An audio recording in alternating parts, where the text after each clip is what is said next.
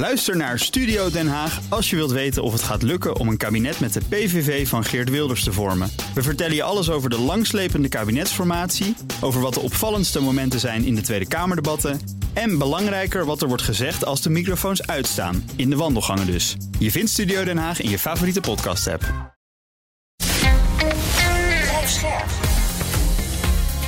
BNR Nieuwsradio.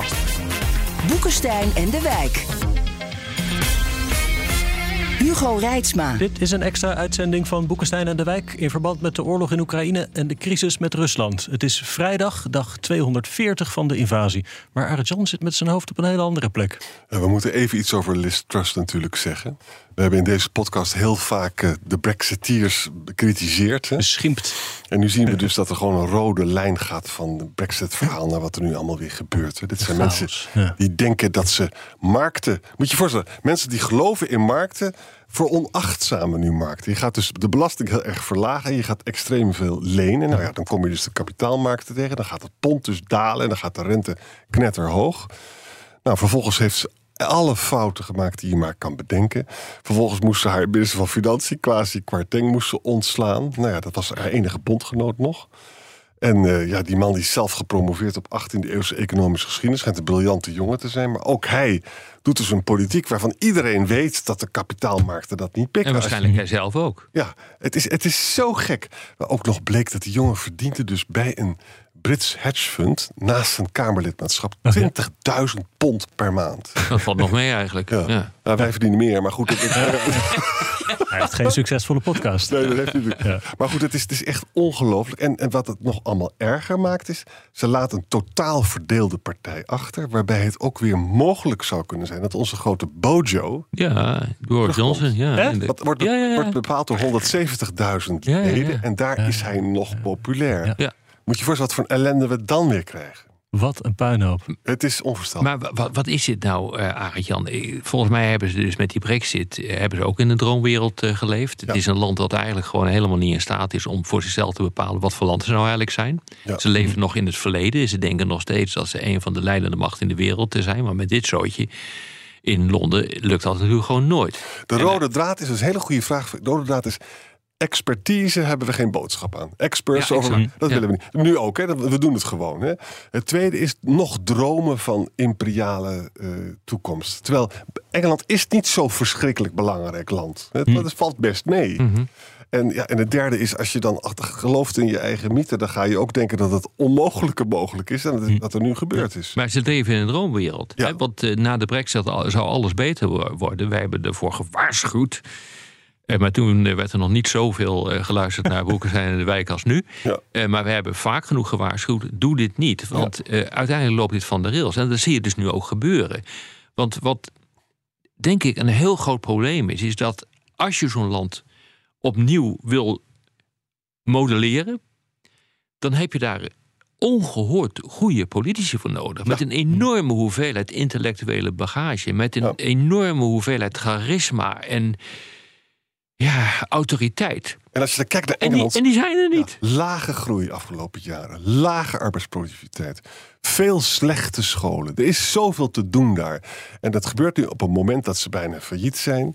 Eh, Dat er dus mensen moeilijkheden hebben om hun boodschappen te betalen. En ze hebben, en ze hebben, eh, ze hebben een, een, een beeld van zichzelf alsof ze dus nog steeds in staat zijn Ja. om die vooraanstaande rol te kunnen spelen. Ik kan me nog eh, herinneren dat eh, de, de, de veiligheidsstrategie, buitenland beleidsstrategie van, eh, van Boris Johnson, dat, eh, dat was echt een, ging uit van een speciale relatie met de Verenigde Ja. Staten. Samen zouden ze de wereld gaan verbouwen.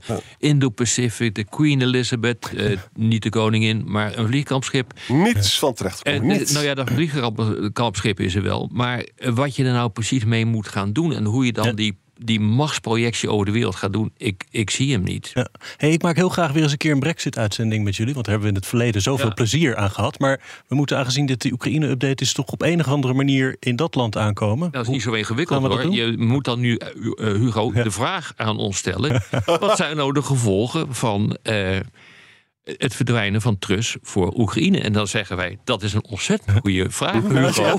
Da- dankjewel, Rob. En zo spontaan ook. En ook zo spontaan. Ik denk dat het geen effect heeft op, uh, op, uh, het, op het beleid van het Verenigd Koninkrijk ten aanzien van Oekraïne. Want je zult zien dat ze die positie van belangrijk land dat echt zijn vleugels uitslaat in de wereld niet kunnen gaan ja, verkwanselen. Dus zij moeten gewoon doorgaan met het beleid wat in is gezet. En ik kan me niet voorstellen dat wanneer er een nieuwe premier komt uh, van conservatieve huizen, dat hij het roer totaal omgooit. Jij, ja, Jan? Maar bij de algemene verkiezingen zal het toch ooit komen? Hè? Niet nu waarschijnlijk, maar wel ooit.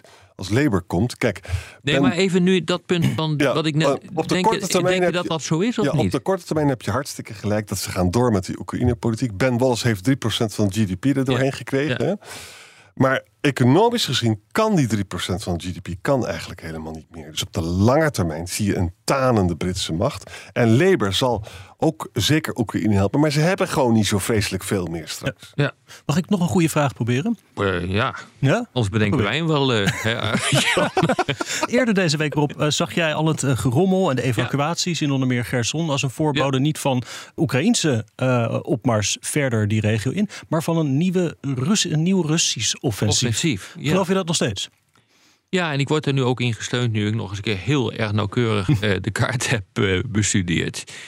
Kijk, eh, wat uh, die staat van uh, beleg oplevert, is dat zij nu in staat zijn om in dat bezette gebied orde op zaken te stellen. En ehm, ik werd gesterkt door de opmerking van Poetin, die zei van ik heb er genoeg van, even mijn woorden.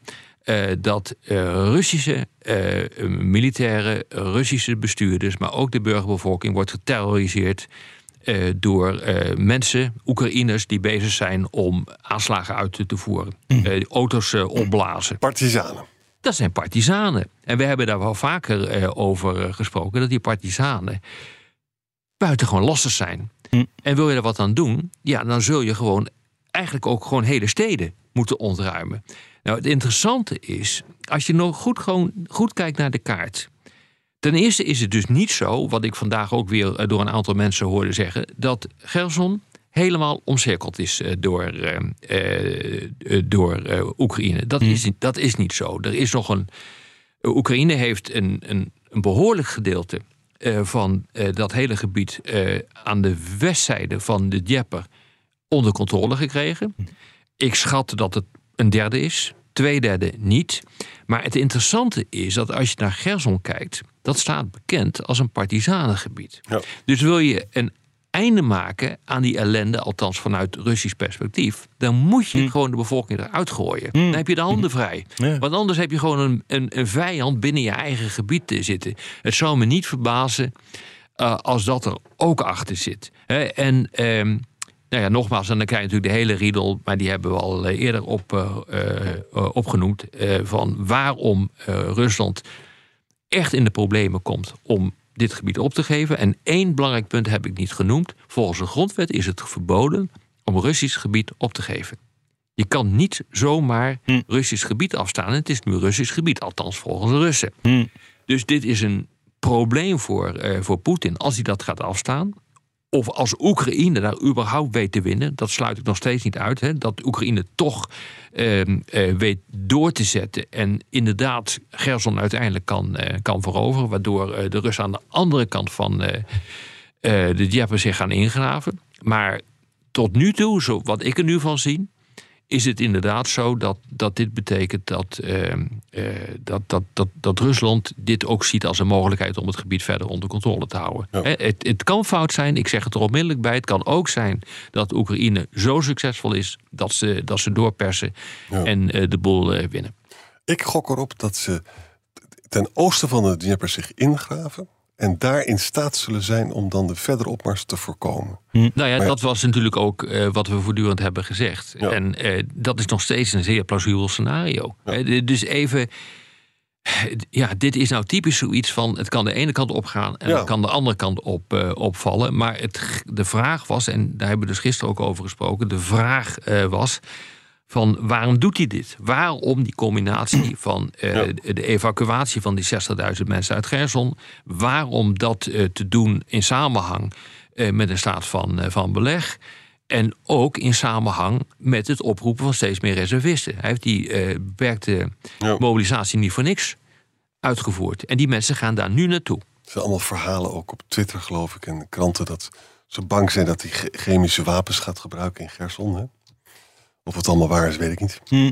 Er was wel redelijk wat onrust, zag ik uh, op de Russische televisie over hoe het gaat in Gerson. Ja, het dus... gaat gewoon niet hm. goed. En ja. uh, ik zag ook, uh, hoe heet die, Robert, ik ken die twitteraar ook, die wees je erop van, er zijn ook berichten dat er wordt geplunderd door Russische soldaten in Gerson. Ja, daar had hij gelijk. En die koelkast die neem je niet mee naar het front, maar de andere kant op. Ja, klopt. Maar als je dan toch, als je dan toch weg moet, dan, dan neem je gewoon de boel mee. Want wie zit er dan te plunderen? Of zijn het mensen die hun eigen spullen meenemen? Dat kan ook nog een keer. Het is gewoon lastig omdat van Oekraïense kant horen we niks. Want daar is gewoon een totaal stilzwijgen. Dus wat ik zeg is echt gewoon interpretatie van wat ik zie. En dan daar een conclusie uittrek waarvan ik onmiddellijk zeg: hij kan gewoon fout zijn. Uh, het is het beste wat ik nu kan doen. Uh, maar ja, ja dat, dat is natuurlijk zo. Dat doe je inderdaad als je gaat. Uh, ja, dat is een soort van verschroeide tactiek. En, en daar spreekt trouwens nog iets anders voor. Uh, er is dus een, eh, een, ehm, een hydro-elektrische dam uh, is daar. Ja. En die zou je dus kunnen kapot maken, waardoor gewoon de, grote delen van dat gebied onder, onder water komen te staan. Mm. ook dat past in een tactiek van verschroeide aarde. Kakova, hè? Ja. Nova, ja. Vreselijk. Moet ik nog iets anders vragen? Um, nee. Tot morgen dan. Tot morgen. Bij BNR ben je altijd als eerste op de hoogte van het laatste nieuws. Luister dagelijks live via internet. Bas van Werven. En heel langzaam komt de zon op rond dit tijdstip. Je krijgt inzicht in de dag die komt op BNR, het Binnenhof in Nederland en de rest van de wereld. De Ochtendspits. Voor de beste start van je werkdag. Blijf scherp en mis niets.